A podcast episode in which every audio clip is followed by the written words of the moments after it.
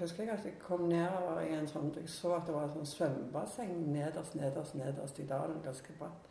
Så jeg fant veien ned, og så kom jeg ridende inn der. Og så kom det ca. 150 nakne mennesker kommende mot meg. Ja. Det var en, en nudistleir. Ja. Og de var litt sånn Welcome, welcome to the nudist uh, paradise. Og jeg var litt sånn ah, innvendig. Ikke sant? Jeg lurte bare hvor hvor er jeg nå henne? Traveling the miles, distance is relative to the focus of one's inner eye. Going far and going nowhere makes the same time. Jeg har ganske mye fra 80-tallet her. Spesielt når det gjelder store malerier fra, helt fra jeg startet opp. Eh, Men jeg har også en samling med sånne tekstilbilder som hang på Smedvik. Mm. Og de står på lager til Smedvik akkurat nå Jeg venter på en kjøper av samlingen. Mm. For jeg hadde lyst til å selge den. Jeg hadde egentlig lyst til at Stavanger kunstmuseum skulle ta seg av den. ja. Men det har ikke Eh, de er ikke så veldig opptatt av lokalhistorie, tror jeg rett og slett. At det, liksom, at det skal være noe viktig. At det var noe som skjedde på 80-tallet her i Stavanger. Så øh, Men det kan jo være private, eller det kan være andre. Så det er viktig vet du, med samlinger, og det er en av de tingene som jeg syns var veldig kjekt når jeg begynte å treffe Sandberg i Paris, kanskje som er andre og tredje generasjon. Ja. Spør ja, hvorfor samler dere på ting? Så jeg, Hva er vitsen med det? Så ser de jo for det, da er det vi som tar vare på det.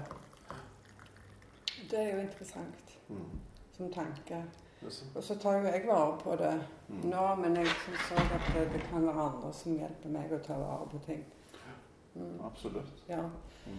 Så det er ikke sånn som det der med at eh, du absolutt skal eh, At du liksom tenker liksom at å, se hva jeg samler på. Mm. Liksom, det, er ikke, det er ikke så mye bare det, men òg det historiske perspektivet rundt det du samler på. De ideene som ligger i det du samler på. Mm. Hvorfor er det laget, og hva betydde det da, og hva betyr det nå i forhold til det historiske utvikling? Det er det som er interessant. Jeg kjører svart, jeg. Kjører bil, trodde jeg skulle si. Nei, jeg kjører moped. Elektriske moped. Det er bra.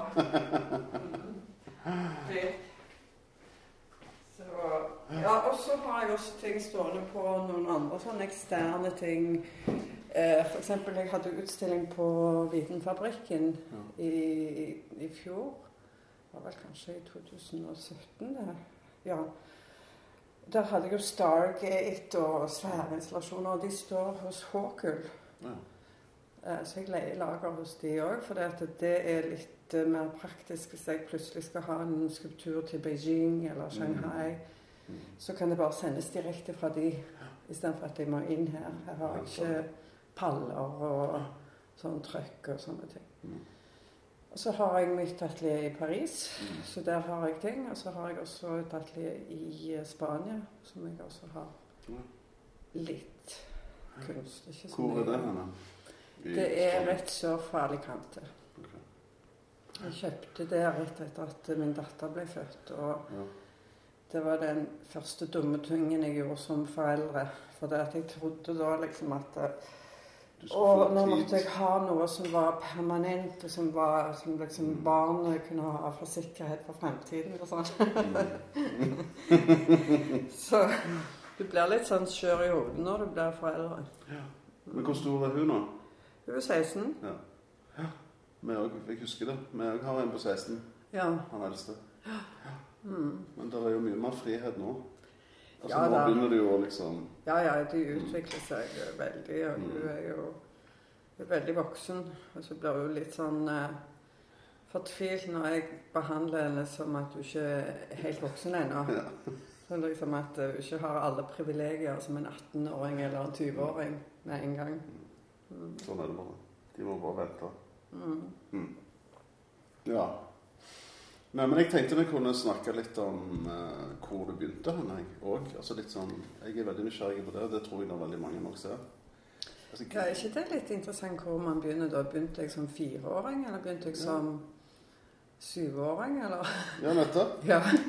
Det, at, eh, det er jo en rar ting det der med livet. Men jeg, jeg har sett på noen Super 8-videoer når jeg var liten, da jeg var sånn to, tre, fire år gammel. Mm. Og jeg syns jeg ser litt rar ut. Men jeg sitter og ser på ting som Jeg følger ikke med på kamera. Jeg sitter og studerer mønster i gardinene eller, eller eh, teksturen på veggene eller sånn. Så, mange av mine minner som barn handler også om eh, sånne ting. Mm. Eh, det tror jeg kanskje gjelder alle barn, Mm. men så har jeg på en måte greid å ta det videre med meg. Mm. Og så har jeg jo hatt veldig eh, tilknytning til eh, tekstiler i og med at min mor uh, sydde. Og jeg hadde en farmor som både strikte og vevde og lagde ting. Og så var jeg veldig opptatt av håndarbeid på skolen. Vi hadde også en fenomenal eh, formingslærer på Vaulen barneskole der jeg gikk, som heter fru frøken Ståbystrand. Egentlig så tror jeg at alt jeg har eh, måttet bruke i mitt liv, lærte jeg av henne barneskolen.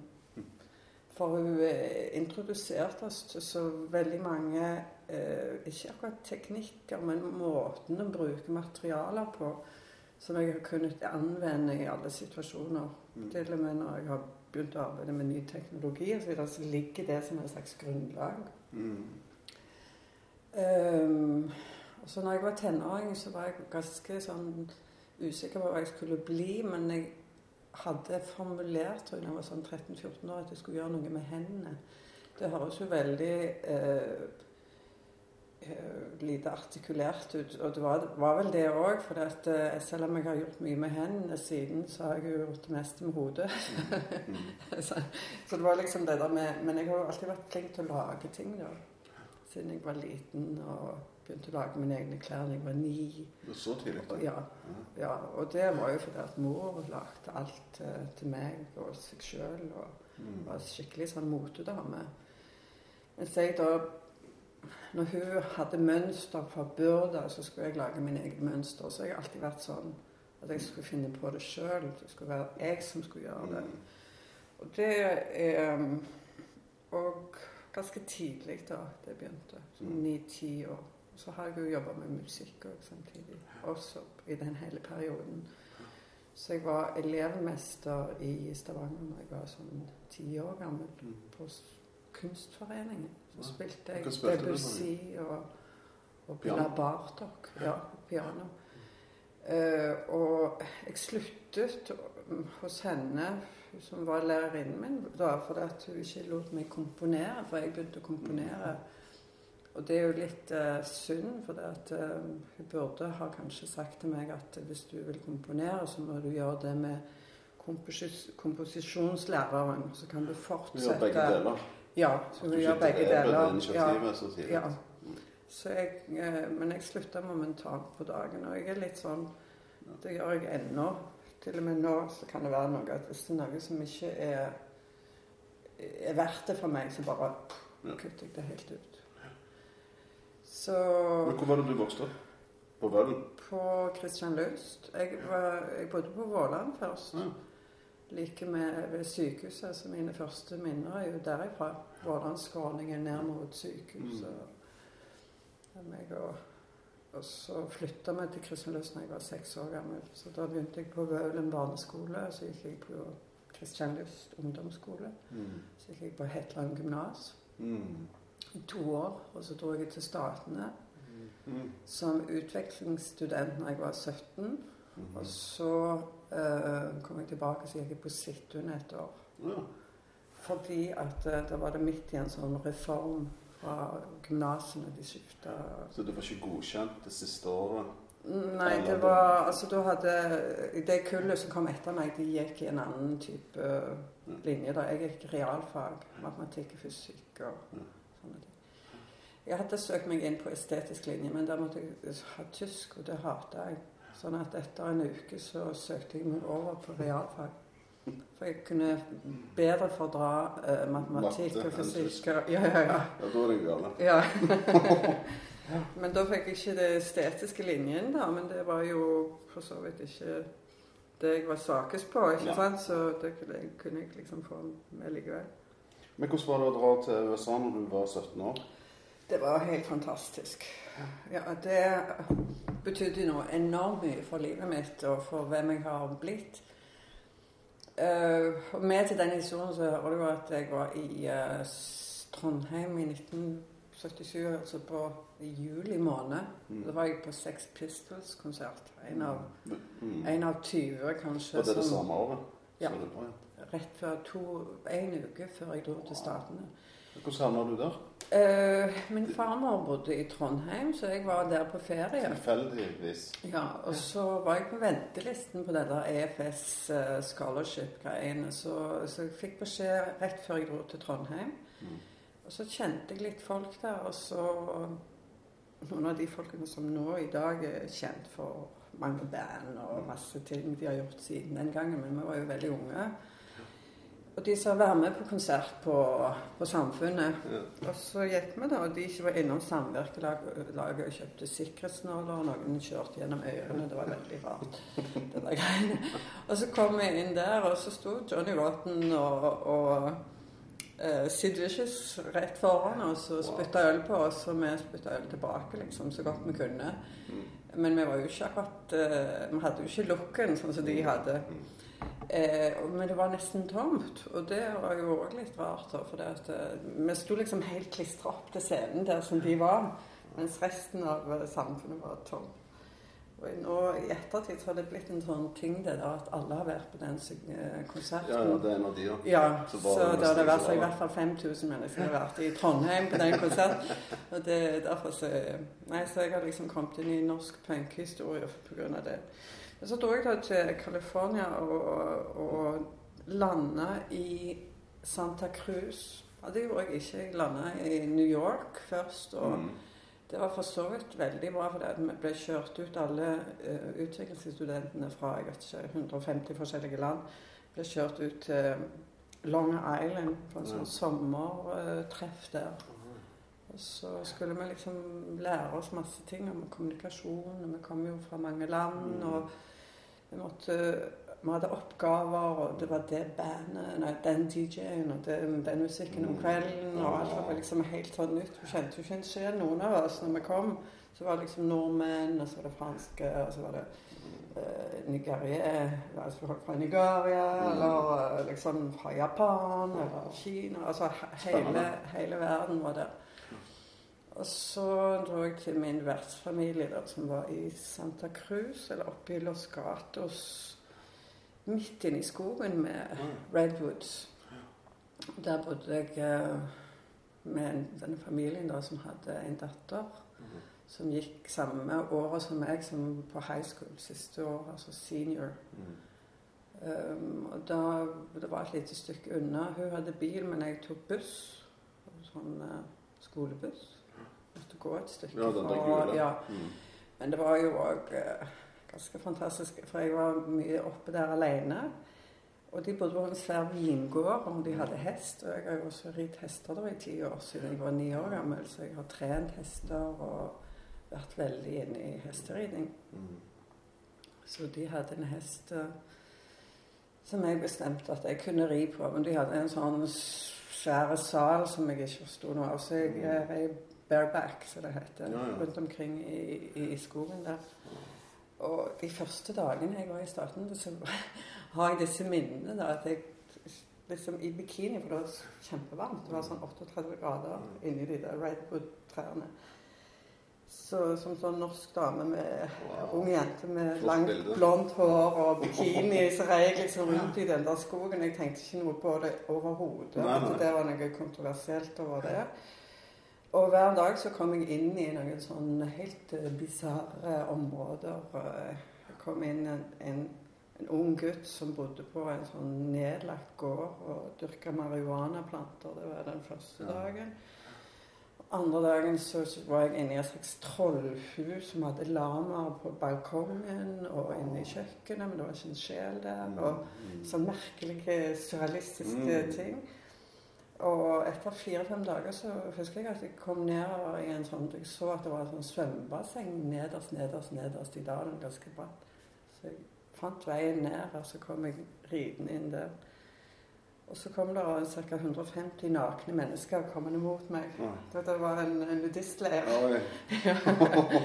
Og de var litt sånn Welcome, welcome to the nudist uh, paradise.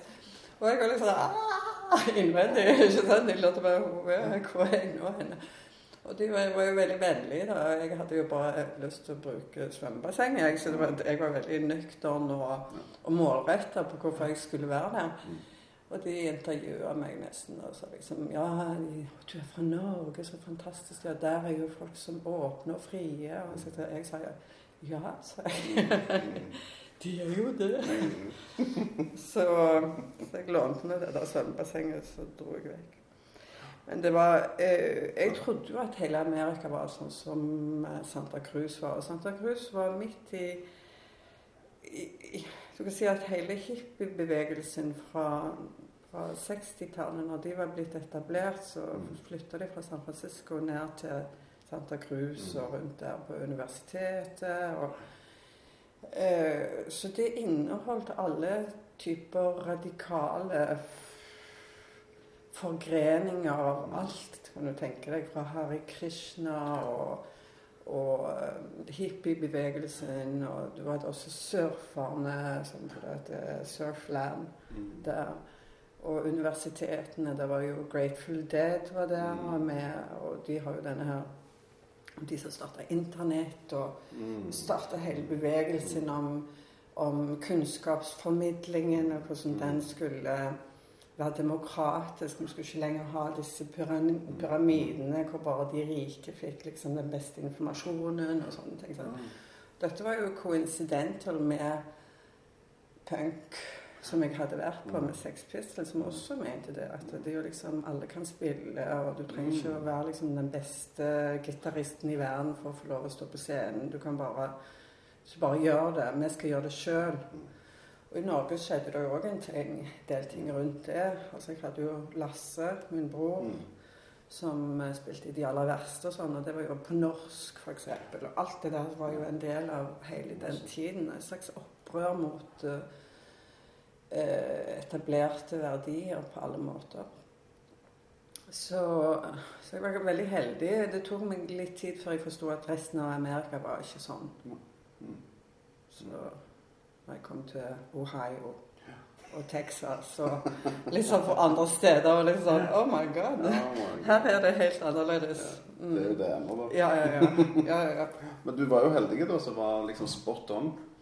Ja, heldige for meg. Og så var jeg også i et miljø som var veldig viktig for meg. For jeg malte jo Allerede da så hadde jeg begynt å male akvareller og lagde mine egne klær og spilte musikk og skrev dikt og så videre og så videre. Så jeg var liksom en sånn ganske vanlig, tror jeg, 16-17-åring på den tiden.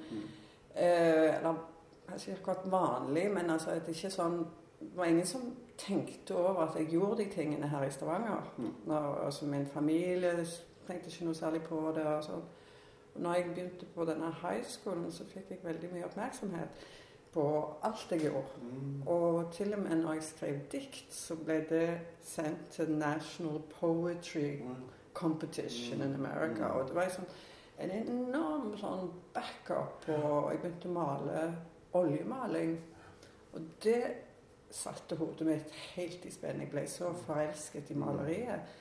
Og det var jo egentlig det som gjorde at jeg greide å ta bestemmelsen for å bli kunstner. Mm. Så hadde jeg en fantastisk lærer som het Charles Walters, og han var jo eh, eh, Det var noe som stemte med måten han snakket til meg også i forhold til de andre knaggene jeg hadde filosofisk. Mye av det som jeg tok fra eh, ridelærerne mine, eller de mentorene jeg hadde hatt før. Eh, men han, første dagen han, vi kom der, da, så sa han bare at ok, i dag skal, lære, skal vi lære å bygge ramme. I morgen skal vi lære å strekke lerret. Tredje dagen skal vi lære å grunne lerretet. Og så kan jeg ikke lære dere mer. Nå må dere gjøre resten sjøl. og det eh, Når jeg sier at det er en sånn knagg, så rei jeg også islandshester da jeg var ti år gammel og trente hos en som het Rollen. Moren hans var veverske og billedkunstner. Men han hadde bodd på Island og var veldig opptatt av, av islandshesten og, og hele psykologien deres. Og jeg måtte lære disse tingene da, om f.eks. hvordan du skulle eh, Hvordan hesten Island ble måtte gå fri i fem år før man begynte å ri på dem, eller begynte å trene dem overhodet. Det var ekstremt viktig at de fikk lov å utvikle psyken sin før vi begynte å, å skulle arbeide med dem, for å si det sånn. Så det var en slags respekt over det for dyret. Uh, og det var jo også en sånn ting altså Når du skulle velge hest, da skulle du velge den med finest farge, eller den som var høyest, eller altså raskest, eller sånn. Du skulle velge den med den største viljen. Det var det som var det viktige.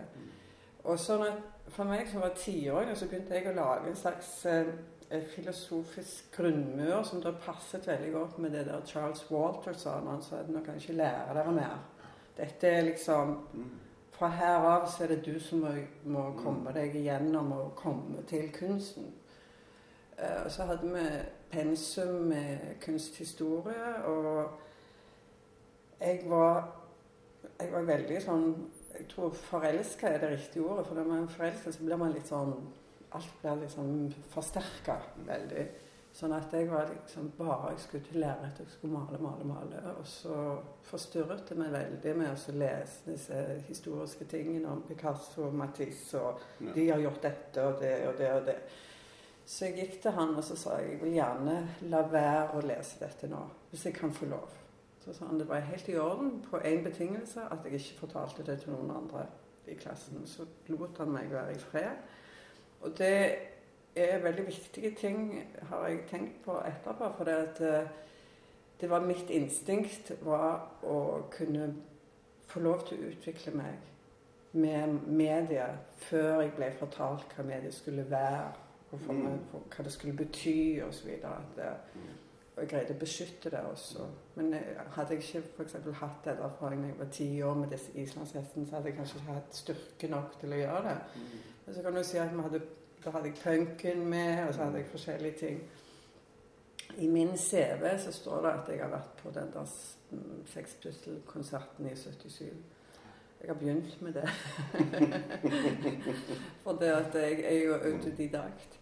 Og um, når jeg var ferdig på gymnaset, så uh, hadde jeg vel egentlig Når jeg kom hjem fra Statene, så jeg, kom jeg her til Stavanger og sa at jeg skulle begynne å male, eller jeg skulle bli kunstmaler. Og da var det veldig mye motstand.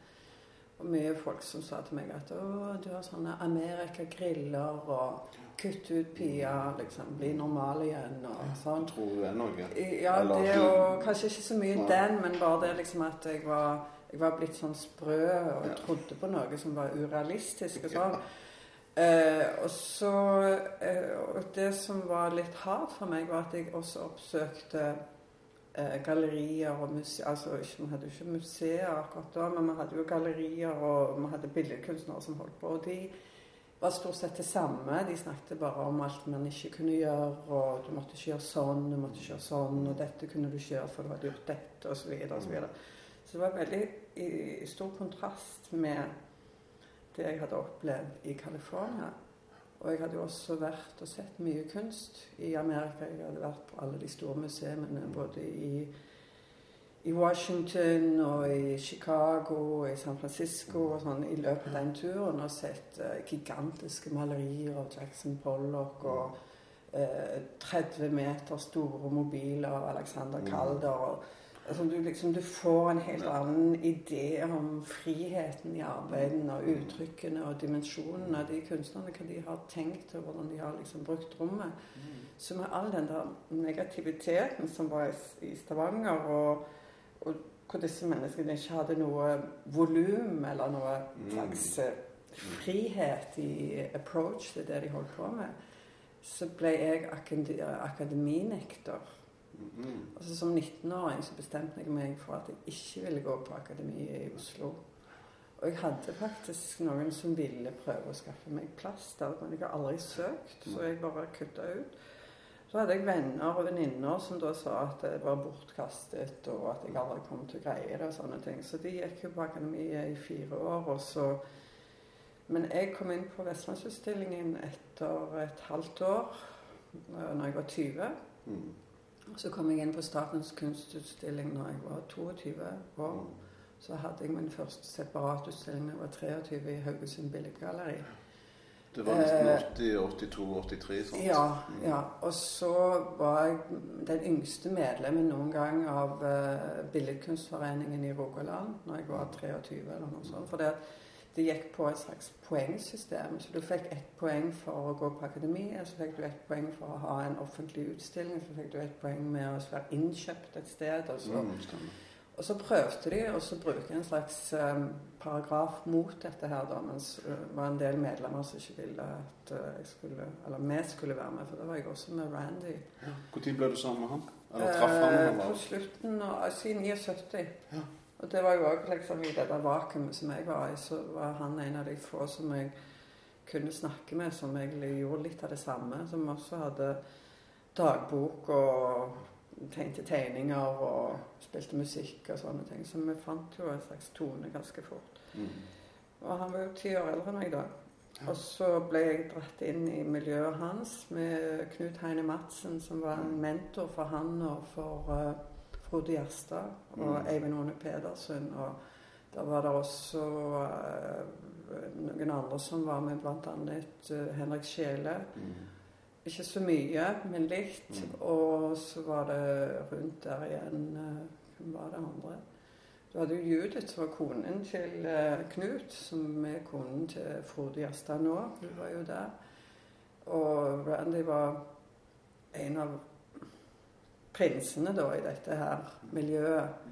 Så Knut han skulle dø av kreft, og så hadde han bestemt seg for å lære bort alt han kunne til et få utvalg mennesker. Uh, og det Der kom jeg med helt på slutten. Det var ganske fantastisk, for at jeg var så mye yngre enn de andre. Så jeg hadde jo ikke samme skyts. Veldig intellektuell, og Knut var jo uh, eh, hyperbegavet. Men han var så sjenerøs i forhold til måten han gjorde ting på. Så det var jo historier at han eh, dro til London og tok med seg tre-fire stykker. Og så gikk de inn på en bokbutikk, og så tok de alt med tilbake til flyplassen så mye de kunne bære. Så fløy de tilbake til Stavanger, så ut på Tananger. Mm. Og så leste de de bøkene de neste tre månedene. Kunstbøker. Og, Mm. Så jeg har vært der ute med Jeg husker vi satt og eh, så på en bok med eh, Ben Nicholson, som er mannen til Barbara Hepworth. En som Ja, de, ja. kunsthall folk kunne solgt det. Mm. Så, eh, og der satt vi og kikket på side tre og diskuterte den i, i fire timer. Og så bladde vi over til side fem, da, som dobbeltside. Og så gikk det to dager på den. Og så tok vi side syv, og så holdt vi på sånn. Og jobbet oss gjennom alle ting, men veldig nøye. Gjennom alt type. Altså, da snakker vi hele, egentlig om hele sivilisasjonen Mm. og historien osv. Så, videre. så det er kanskje noe av det mest fantastiske jeg har fått vært med på, er at jeg har jo ikke formell utdannelse, men den utdannelsen jeg har, er jo så mye, mye, mye, mye bedre Mm. Enn det du kan få på et akademi eller noe annet sted. Uh, og det varte et par år og før han, eh, Knut endelig døde. da, og Ikke for å si endelig, men han døde jo til slutt. Og han gjorde jo noe fantastisk for meg før han døde. Da hadde jeg laget et uh, linosnitt. Mm. Og det uh, var en slags figur som, som på en måte vandret mot lyset, samtidig som den tangerte en annen figur som gikk andre veien. Og så var det lagd på papir jeg hadde kjøpt på Fretex, for jeg hadde jo ikke penger. Og så rullet jeg malingen på litoen og håndtrykket hver av dem. Så jeg fant et som var veldig fint, og så tok jeg med det opp på sykehuset der han var. Og så Han tok jo veldig godt imot men han ville vite om jeg hadde flere av dem. Mm. Da sa jeg at jeg hadde vel en 30 forskjellige. For alle var jo ulike, da. En sånn type forskning. For du lager det samme motivet, men med alle de forskjellige fargene, så lærer du veldig mye av det. Så han tok de, tok de med opp til han, og så spurte han hvor mye de kostet. Og jeg hadde aldri solgt noe. Da var jeg vel 19 år, tror jeg. 19 og et halvt, kanskje. Og så sa jeg det at eh, de kosta 300 per stykk, for jeg hadde ikke peiling på hva ting skulle koste. Men 300 er jo ganske mye òg, for det var jo 1979 eller 1980. Og så sa han OK, hvis jeg kunne la de ligge hos han, så var det greit. Så det er en Hver gang jeg har noen som dør, og jeg tenker på altså Noen ganger Kanskje når jeg selv skal dø en gang, så tenker jeg på hva han gjorde med disse grafiske arbeidene. For det, han hadde det under, uh, under uh, sengen. Ja, ja. Så ville han få inn overlegen, og så ville han liksom få overlegen til å sitte der. Og så ville han bøsse veldig sakte ned. Og så mens han liksom satt med beina i kryss og så litt sånn tynn og mager ut, for det var han med bustete hår osv. Så, videre. så ville han hente den der mappen opp og så åpne opp. Og så viser de til Men før han åpna opp, så måtte han bøsse opp igjen denne stolen. Ja, ja. sengen. Han ikke, hadde ikke travelt, så han holdt på det til de liksom Og lagde et teater. Han solgte jo alle. Og jeg fikk de pengene som jeg ikke Det var ikke pengene som var viktig oppi dette her, men det var en, en, mm. en gest som jeg syns er fantastisk. Så jeg var jo så ung som kunstner og hadde akkurat startet og sånne ting. og og at han gjorde det, var, det helt enestående. Mm. At han brukte tid på det. Mm. Men hvordan var klimaet i, i, byen her på denne tida? På 80, altså liksom begynnelsen av 80-tallet? Det var veldig mye regn og Jo, men jeg tenker liksom kultur, eh, kulturmessig. Altså, hvordan var liksom holdninger, og, ja. hva tilbud var der? Og hvor kunne en gå for å treffe likesinnede? Det er et interessant spørsmål. Da var jo jeg Eh, så jeg var jo litt i Stavanger på 70-tallet, altså før jeg ble liksom gammel nok til å gå ut på klubber og sånne ting sjøl. Og, og på, når jeg var kommet tilbake fra Statene, så var det jo fremdeles ikke så mye. Vi hadde jo tre klubber. Vi hadde Korvetten. Mm. Det var jo Terje Vallestad som drev nede i kjelleren der, som var superbra med masse klubber og sånne ja. ting. virkelig. Men vi hadde også vært igjennom noen perioder, f.eks. Posthuset som ble revet. Og Verdensteatret som ble mm. revet. Det var liksom ting som skulle være for de alternative, og så liksom de som hadde mer ideer og mer kreativitet. Og Posthuset ble revet noen år, altså når jeg kanskje jeg var akkurat blitt 13 eller noe sånt. Så det liksom gikk i vasken. Veldig dumt hos Stavanger kommune at de ikke tok vare på det. Mm. Og så var det Verdensteatret som de heller reiv og lot det stå tomt i fem år istedenfor å bygge opp. Egentlig så snakket jeg med min datter her forleden som også sa det at det er faktisk ingenting i sentrum for unge mennesker å gjøre. Altså egentlig ikke. Et sted vi kan møtes og sånn. Det er liksom McDonald's eller, eller gå på kino og sånn. Eller, eller kanskje, ja, mm. kanskje på Men det er liksom ikke sånn Det, er ikke liksom ungdommene som har lagd det sjøl, på en måte. At de styrer det, eller at de står for det og sånn. Så jeg vet ikke så mye om det, men i hvert fall så var jo det holdningen den gangen.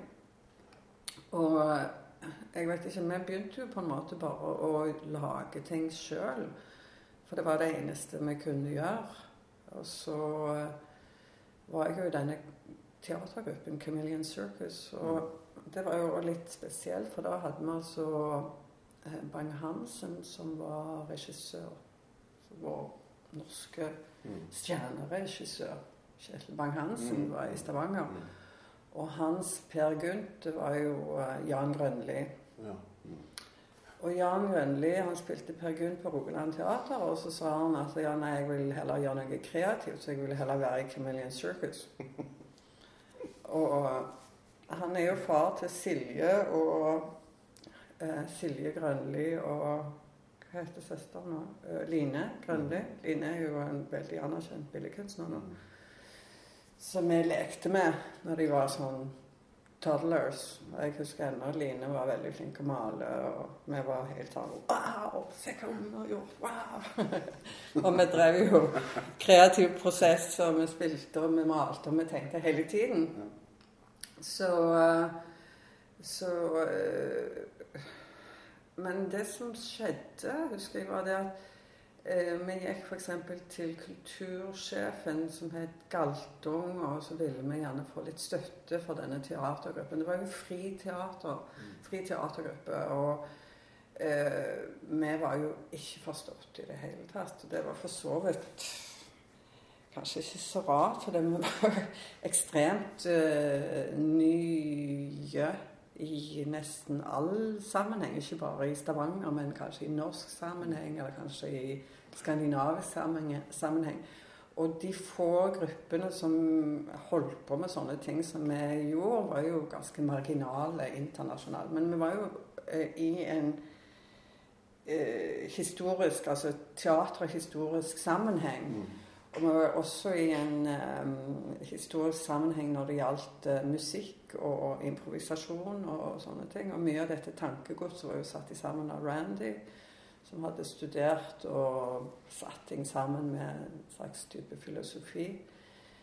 Uh, men den holdningen vi fikk tilbake, var jo det at vi ikke kunne noe. Ikke kunne vi spille musikk, og ikke kunne vi lage teater. For det var jo ikke akkurat sånn som eh, det de så på Rogaland Teater, og så var det ikke sånn som de hørte på rockeklubben. og sånn. Så det liksom eh, Og så var det også veldig sånn mye sånn baksnakking av oss. At de, de, sa at vi var på heroin og sånne ting. Og det var vi ikke. Vi var avholdsfolk som ikke var borti noen. Vi verken drakk eller uh, røykte sigaretter eller noen ting. Men vi så jo ganske ville ut, og vi var, sånn, altså, vi var liksom rett ut av uh, ut av jungelen, nesten. Sånn som jeg, jeg lagde jo kostymer og klær og lagde sånne punkeklær som jeg hadde funnet på som så ut som gjørme. Ja. Alle trådene hang på utsiden. Egentlig litt sånn som jeg har på meg i dag. Mm. Mm. Og jeg hadde jo starta galleri i Kongsgaten tror jeg ganske tidlig. Tok over den der eh, bokantikvariatet som var der, som nå til slutt ble Bøker og Børst, mm. altså Pia Norega er nå Faren hennes. Mm. Så vi var liksom i den, den sirkelen der. Og så hadde jeg da tjente jeg penger på å selge kunst og klær i Kongsgaten. Så den eh, Det var jo Alt dette skjedde jo samtidig, så det var så mange ting. Og det var jo folk som kom der på torsdag og lørdag og kjøpte klær av meg. Og så var det Kjell Jansen som hadde frisørsalong. Så vi hadde en allianse, meg og han, for det at eh, de var de samme kundene som klipte håret hos han, som kom og kjøpte klær hos meg. Mm. Og så lagde vi visninger og performancer, og så kom Sting. Men flytta ikke dere det... opp til Sting, altså opp til Valberget? Og, og hadde eh, liksom altså, eh, Jeg vet ikke om vi bodde der, men vi hadde Litt seinere så bodde vi vel Vi hadde, tenk, vi hadde et atelier rett ned forbi mm. Sting, i hjørnet der. Mm. Og så og Der hadde jeg vet ikke, Jeg kan ikke huske om jeg bodde der. Jeg, det kan jeg virkelig ikke huske om gjorde. Det gjorde vi kanskje, men jeg husker vi hadde utendørs atelier, og også jeg laget en katalog der. Eh, for jeg laget en kjempestor graffiti. Mm. Så laget jeg en sånn katalog med sånn uh, sekundgreier i. Sånn at du mm-hmm. liksom ser hele utviklingen av bildet mens jeg sto og jobba. For det, da gjorde vi også veldig mye graffiti. Så eh, jeg var en av de første eh, graffitikunstnerne i Norge. Og det vet jeg, for jeg ble utgitt i den første graffitiboken mm. om norsk graffiti.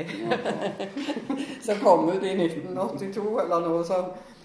Eh, det var en del tags rundt omkring i byen på den tiden. Blant annet så lagde jeg også det galleriet som var på Verdensteatret.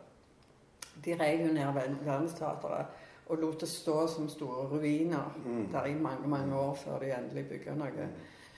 Uh, og på alle de veggene der så lagde jeg uh, graffiti-bilder. Og så kalte de det for Galleri et eller annet. Kanskje det het Galleri Art Attack, siden vi hadde den gruppen. Så lagde vi nattklubb nede. Det var jo òg da at der sto jo en del av de der eh, litt sånn fulle oljeengelskmennene sto nede der og sånn Is nightclub open? For vi hadde jo ikke nattklubb den gangen. sant? Altså, det var jo et problem om vi ikke hadde nattklubb. Det tok litt tid før de åpna Det kom jo ikke nattklubb og Sting før i 90, ja, ja, ja, 90 tror jeg. Ja, ja, ja. Mm. Så det var jo òg det at vi savner jo å ha en nattklubb. Så Men Sting åpna kanskje i 82-83, noe sånt, tror du det? Kan det stemme? Det må jo Altså, det var jo i Jeg er litt sånn usikker om det var 81 eller 82, men det var rett rundt om der. Mm. Mm. Og Det betydde jo veldig mye for byen, for da fikk vi et samlingssted som var nytt, og som var litt mer urbant. Og uh, jeg var jo en av de som lagde Altså Først var det jo mm. bare den ene siden med klesbutikk, så jeg solgte jo klær der. Mm. Og så åpna de opp restauranten etter hvert. Men var det du som uh, eh, starta på en måte? Altså med å leie lokalet? Altså Var det du som leide lokalet? Nei, det var Terje. Og Terje de som leide Terje og det? Ja, Terje og Knut ja, som drev det. Og det første de var Altså, de åpna opp en klesbutikk først. Ah, ja. Så det ble kafé etter hvert. Mm. Um, jeg husker meg og Randy maste på det. Kan ikke dere åpne kafé? Kan ikke åpne kafé? Nei, nei, nei. nei. De hadde jo egentlig kanskje planer om det, men i hvert fall så skjedde det. Og så eh, ble det veldig viktig for, eh, for Stavanger. For det, men det, samtidig så skjedde det også i Oslo skjedde i Trondheim, mm. skjedde i Bergen. Så fikk opera i Bergen, f.eks. Ja, ja, ja. Mm. Så alle plutselig begynte å åpne disse stedene hvor det var cappuccino og caffè latte og bagetter og ja. Så det, så det var en del av begynnelsen av 80-tallet som var liksom en del av punk og en del av mange andre ting som skjedde, som uh, var veldig viktig for identiteten og utviklingen i byen. Men du malte taket der inne i det? Så de... Ja, det er den eneste utsmykningen jeg har i Stavanger. Også, du vet. Jeg vet ikke om han er der ennå. Men han har nesten det. Ja, jeg tror at han eh, Du kan sikkert ha stått folk både og dansa under og oppå det der takmaleriet i mange år. Og det er der ennå. Men det er også veldig synd at det er det eneste. For det at, eh, du vet at når jeg har vært sånn eh, så når jeg er ute i verden og de spør hvor jeg kommer fra, da, så sier jeg fra Stavanger. Så, så, så, kan jeg ikke ta dem med hjem for å bare vise dem maleriet på Sting. Liksom at ja, dette har jeg gjort. når jeg var 24 år. For 40 år siden, eller for 30 år siden. Så jeg har jo ikke noe annet å vise til i byen. Men uh, i hvert fall i sånn permanent sammenheng. Men Hvorfor ble det sånn, tror du? Eh, det er jo fordi at ikke, de mangler fantasi og, og, ikke har egentlig tenkt over hva en samling skal være i en region. Mm. Det har vært mye sånn uh, Vi følger etter det Oslo syns, det synet som de har i Oslo. Når de kjøper Katrine Dolven i Oslo, så må vi selvfølgelig ha Katrine Dolven i Stavanger òg. Og når de kjøper Bård Breivik i Oslo, så må vi selvfølgelig ha Bård Breivik i Stavanger òg. Så de har bare kjøpt det samme. Alle har bare kjøpt det samme. Og det er jo veldig kjedelig, da, for at uh, hvis du kommer fra Hvis du er på Hvis du er turist, da, du kjører rundt og du er kunstinteressert, så ser du de samme bildene av de samme kunstnerne i alle museer i hele Norge. Mm. Istedenfor at å ja, i Stavanger så har de helt andre typer kunstnere. Ja, det var spennende. Og i Bergen er det noe annet, og i Kristiansand er det noe annet. Sånn, så vi har aldri hatt tro på vår regionale eh, egen, egen vilje eller originalitet. Og det er et uh, gjenvarende altså Det er et kjent uh, problem i uh, veldig mange provinser. For det at de hele veien tror at det som er bra, er et annet sted. Så hvis det skjer her, så kan det ikke skje det kan ikke kanskje det er alvorlig.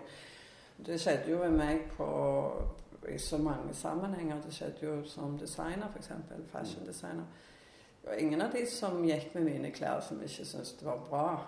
Jeg har jo solgt og lagd til folk hele veien og hatt kanskje 200-500 som har vært innom og, og, gjerne sett på det om igjen og kommet tilbake og sånne ting. Så jeg kunne sikkert bare levd av det mm. hele livet. Mm. Men, og, men, jeg hadde jo også lyst til å gjøre andre ting med det, så jeg dro til Oslo, og der var det litt bedre.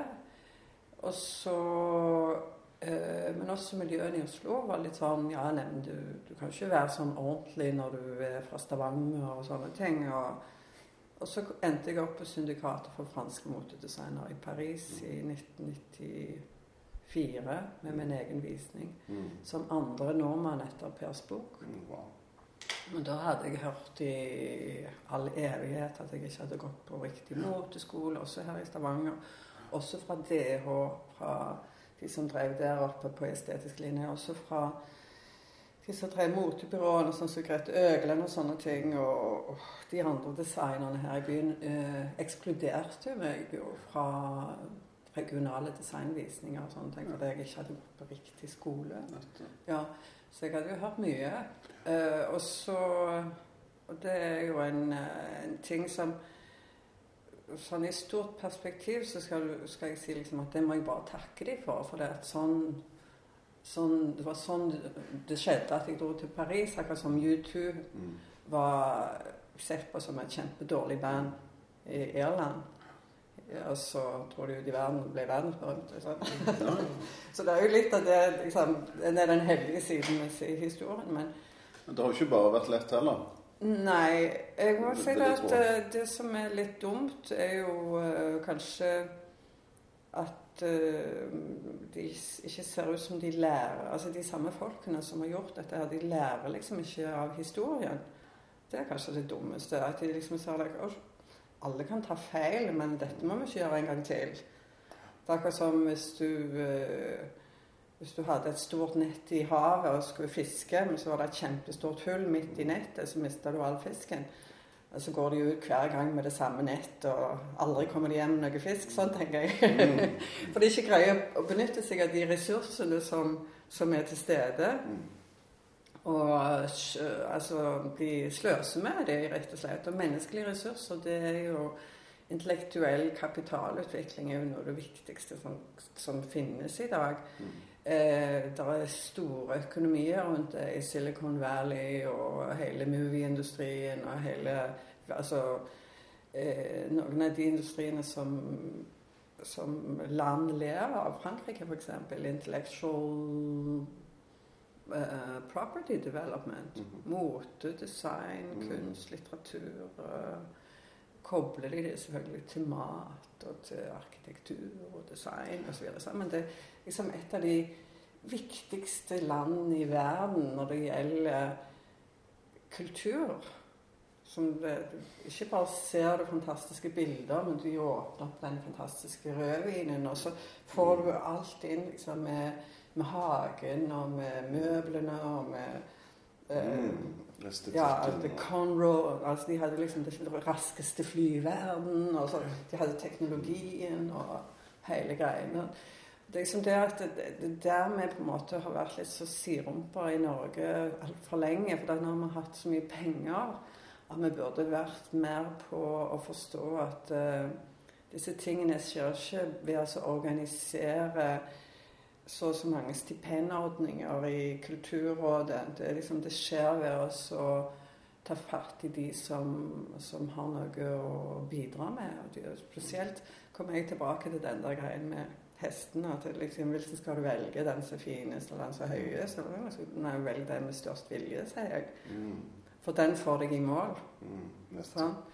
Så den som får deg til liksom, å overleve. Mm. Så men uh, Stavanger er jo en liten by, og det er jo også er vi i et lite land og sånn, men uh, vi er jo et av de mest privilegerte folkeslag i verden.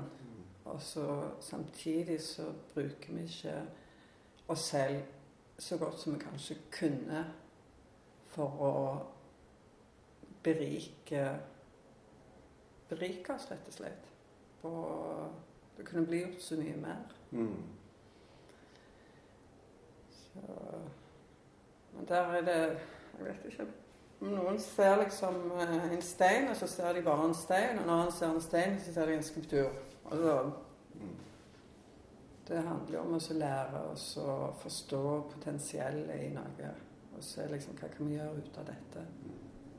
Det er en type kreativitet som eh, vi faktisk har mye av i Norge. Men vi, har, vi ser, sånn som på Jæren så ser vi jo det i uh, Eh, denne robotarmen som ble lagd av en bonde ute på Jæren, som bare tenkte at det var smart. Mm.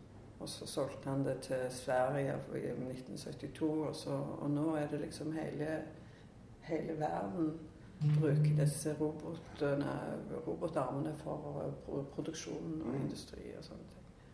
Mm. Du sa masse ting som kan skje her, som har mm, eh, verdenomspennende konsekvenser. Mm, så samtidig som jeg liksom ikke å få fatt i det. Hva er det? Hva er den der viljen til å skape noe? Det er jo det som er eh, det, I oljeindustrien så har det vært veldig mye av det, men det, liksom, det ligger der. Og så ligger kulturlivet på et helt annet sted. Liksom sånn Ja, men det er hyggelig med fint og koselig med kultur, liksom.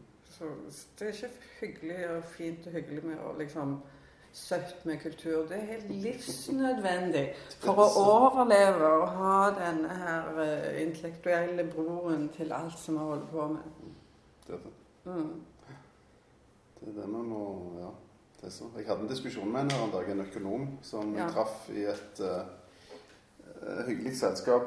Og han hadde veldig lite forståelse for akkurat det. Han forsto ikke hva kulturlivet var, hva de gjorde, og hvorfor de skulle bruke penger på det.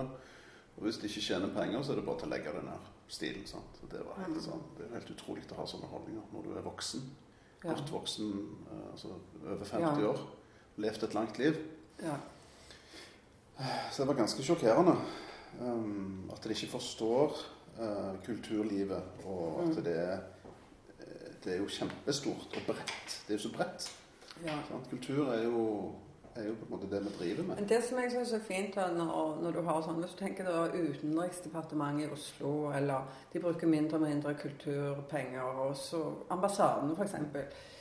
Sånn, ok, nå kan vi lage en sånn hall, en sånn, sånn, sånn skikkelig sånn containergreie.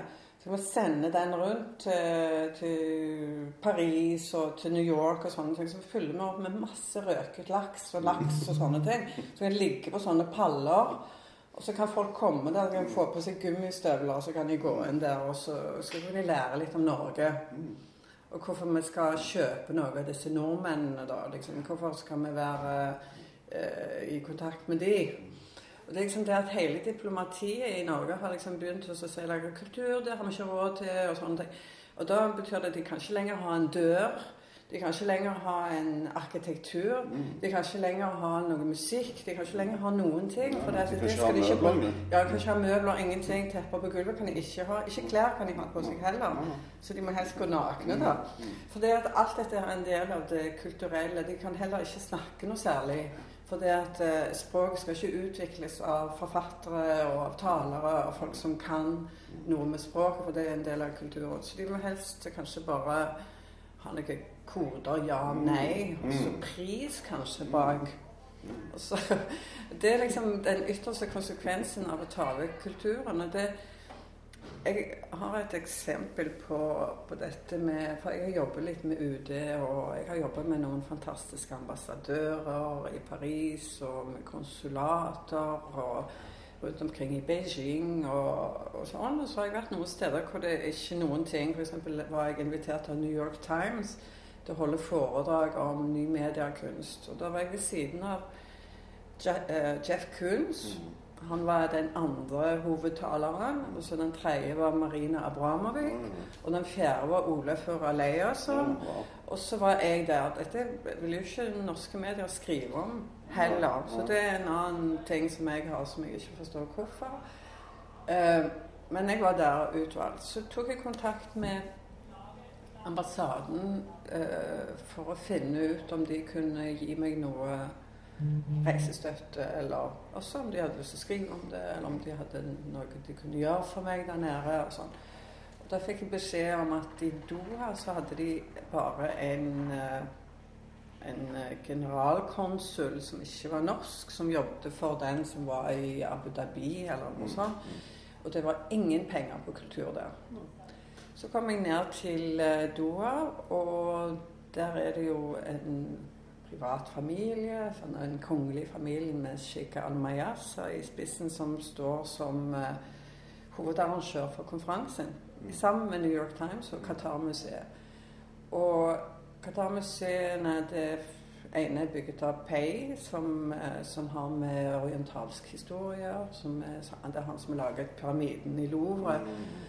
Og så har du eh, eh, Jean Nouvel, som har bygget andre museer som er eh, nå åpne. Og så har Doha da et budsjett eh, Nei, de skal ha VM i fotball, tror jeg, i 2020 eller 2022, jeg er ikke helt sikker på hva det er. Men de holder på å bygge opp byen med enorme anlegg for sport og hoteller og design og arkitektur og hele greien.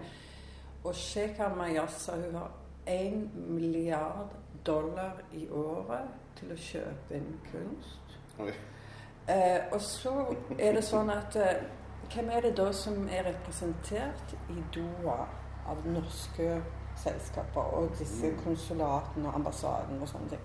hvor de har jotun, maling, og så har de eh, hydro kunstgjødsel. And that's it. Og ingen har greid å finne ut av at det er en milliard dollar der til å kjøpe norsk design, norsk kunst, norsk uh, arkitektur, norsk et eller annet. For det kan vi ikke tjene penger på, kan vi vel? Altså i forhold til han der typen. Men jeg som var så dum at jeg gikk til nordmennene. Jeg skulle jo bare gått bort til franskmennene, for de aksepterer meg som fransk. For jeg bor jo i Paris òg. Og de har egen ambassade. Og de hadde megafest med champagne og den beste maten osv. For alle samtlige som kom. Fordi at de vet hva dette gjelder. Ikke sant. Mm.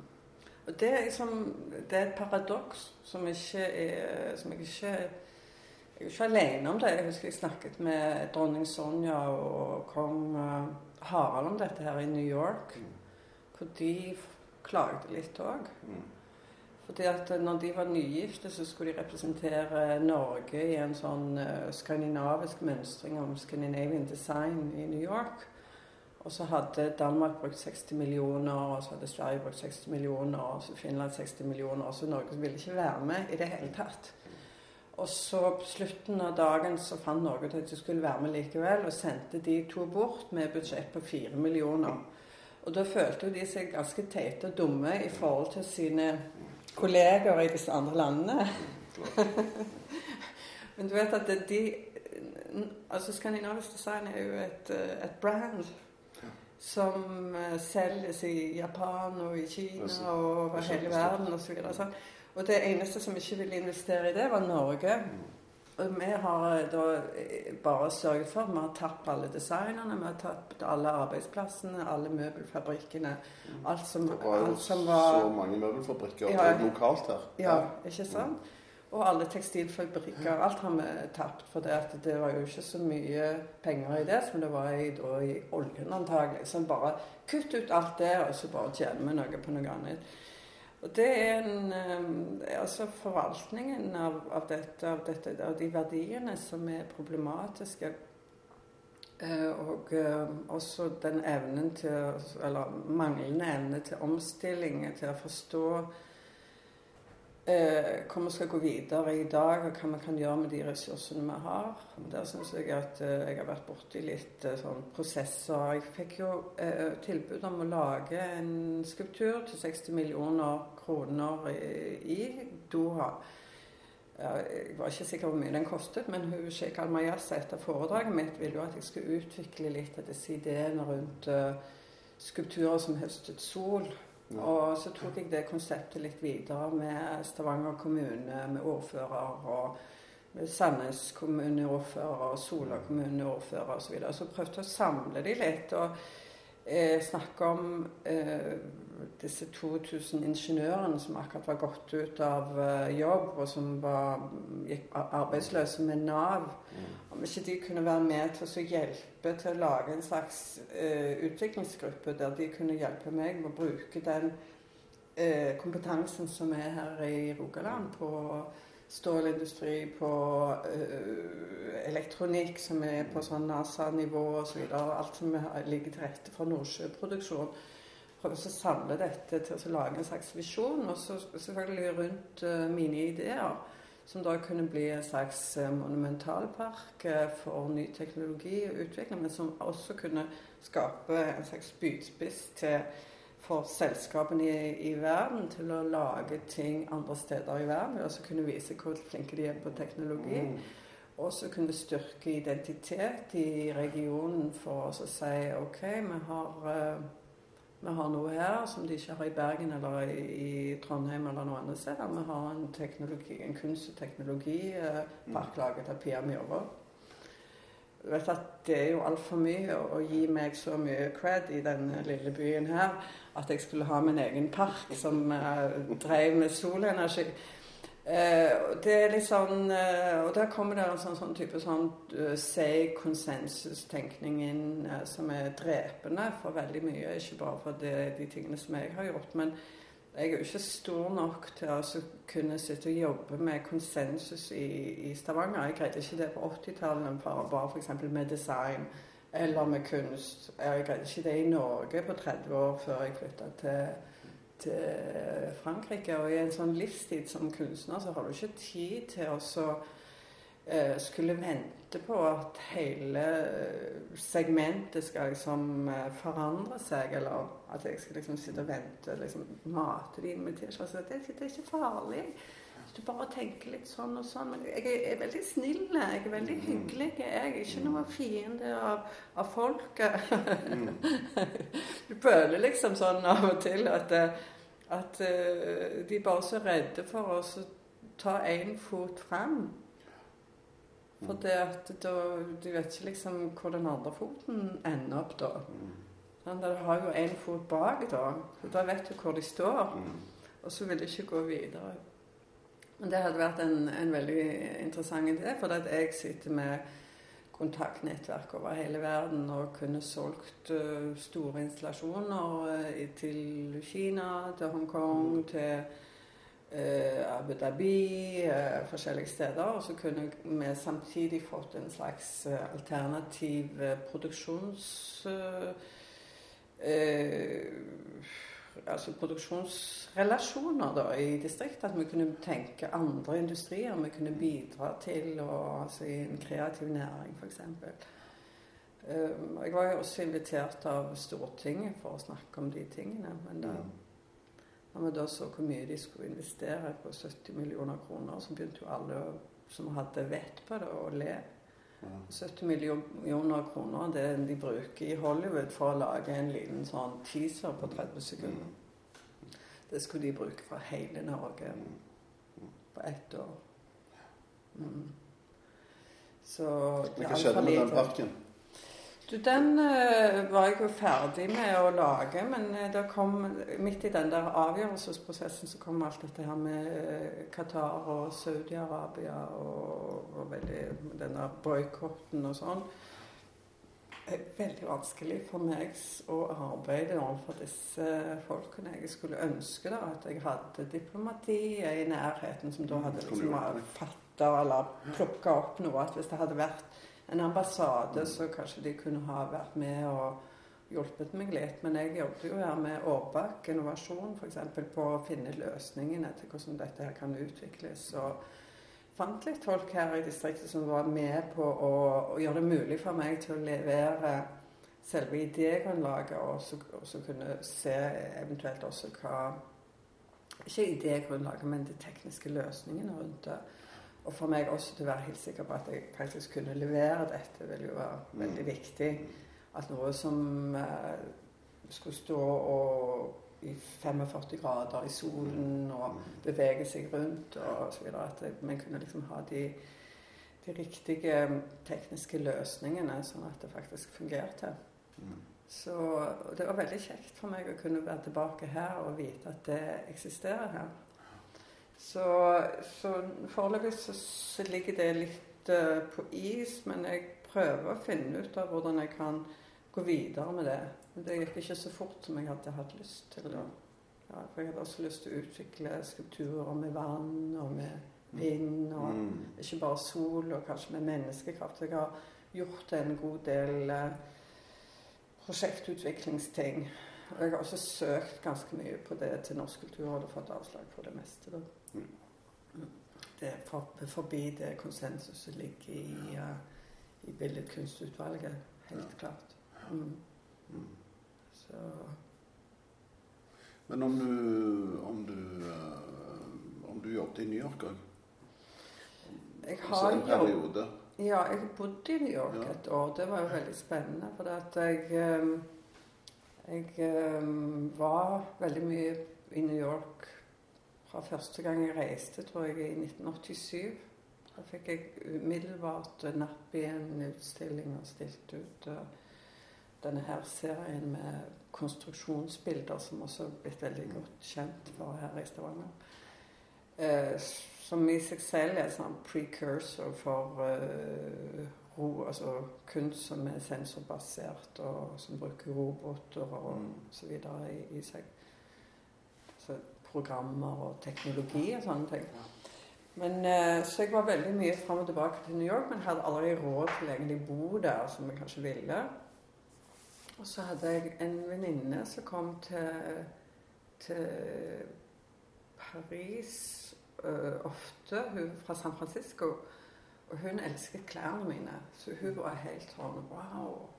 Og uh, en sånn, sånn, dedikert fan. Mm. Hun var sammen med produsenten til David Lynch.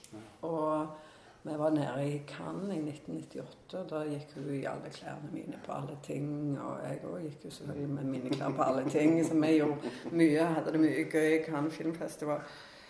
Eh, og så året etterpå så fant hun en ny kjæreste i, eh, i, San Francisco. Og så kom de til Paris, og så kjøpte hun masse klær av meg igjen. Og så hadde de akkurat kjøpt et penthouse i New York, for da han var en sånn dotcom-billionær.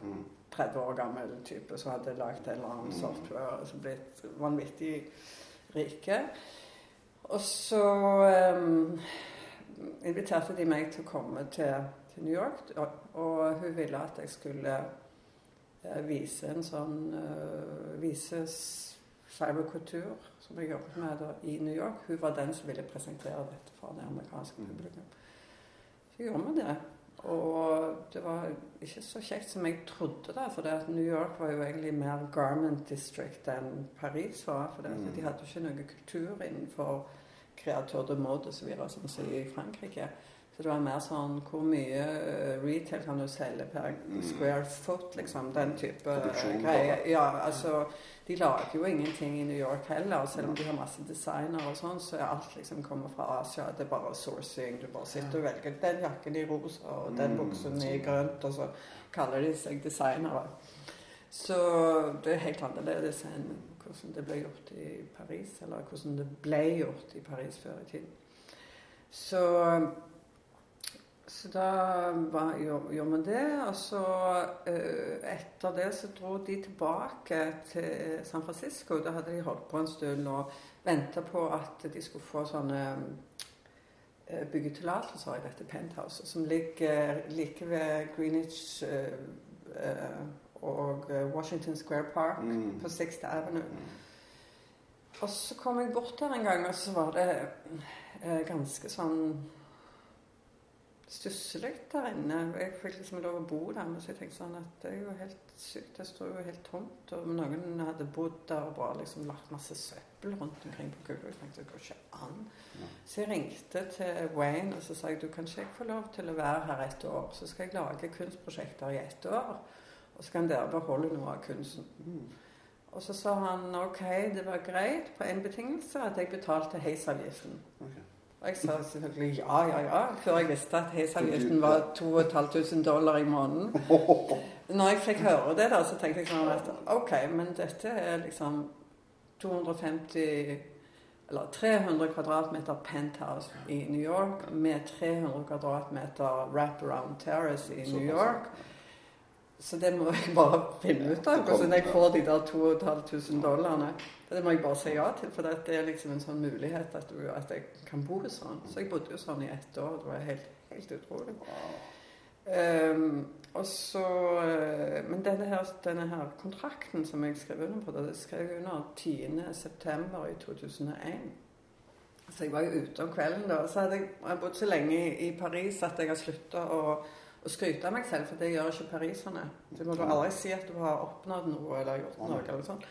Og så uh, i New York så det er helt omvendt. Så jeg var der med venner og sa oh, I had lunch with him, and mm. I went to that, and I sold those things today. Og sånn ting. Så jeg måtte ned i den andre gin tonicen min før jeg endelig sa at And I signed the penthouse today. Og alle bare sånn Yeah! Yeah! Yeah! og så dagen etterpå så skulle jeg treffe Nile Rogers, mm. han er musikkprodusenten. For, å, for jeg hadde bedt han om å, å produsere musikken min. Mm. Så jeg skulle opp der og ha morgenmøte klokken ni. Og det var den dagen det smalt. vet du? I, så da kom jeg ut på Sixth Avenue og så uh, The World Trade Center med et diagonalt hull i uten røyk. Så da har jeg rett og slett sett det bare brøkdelen av sekundet etter at flyet gikk inn. Eh, og jeg tenkte med en gang eh, Cessna-terrorisme, og så mm. var det sånn Yellow cab, for jeg skal opp, jeg skal opp til Nile Rogers. Mm.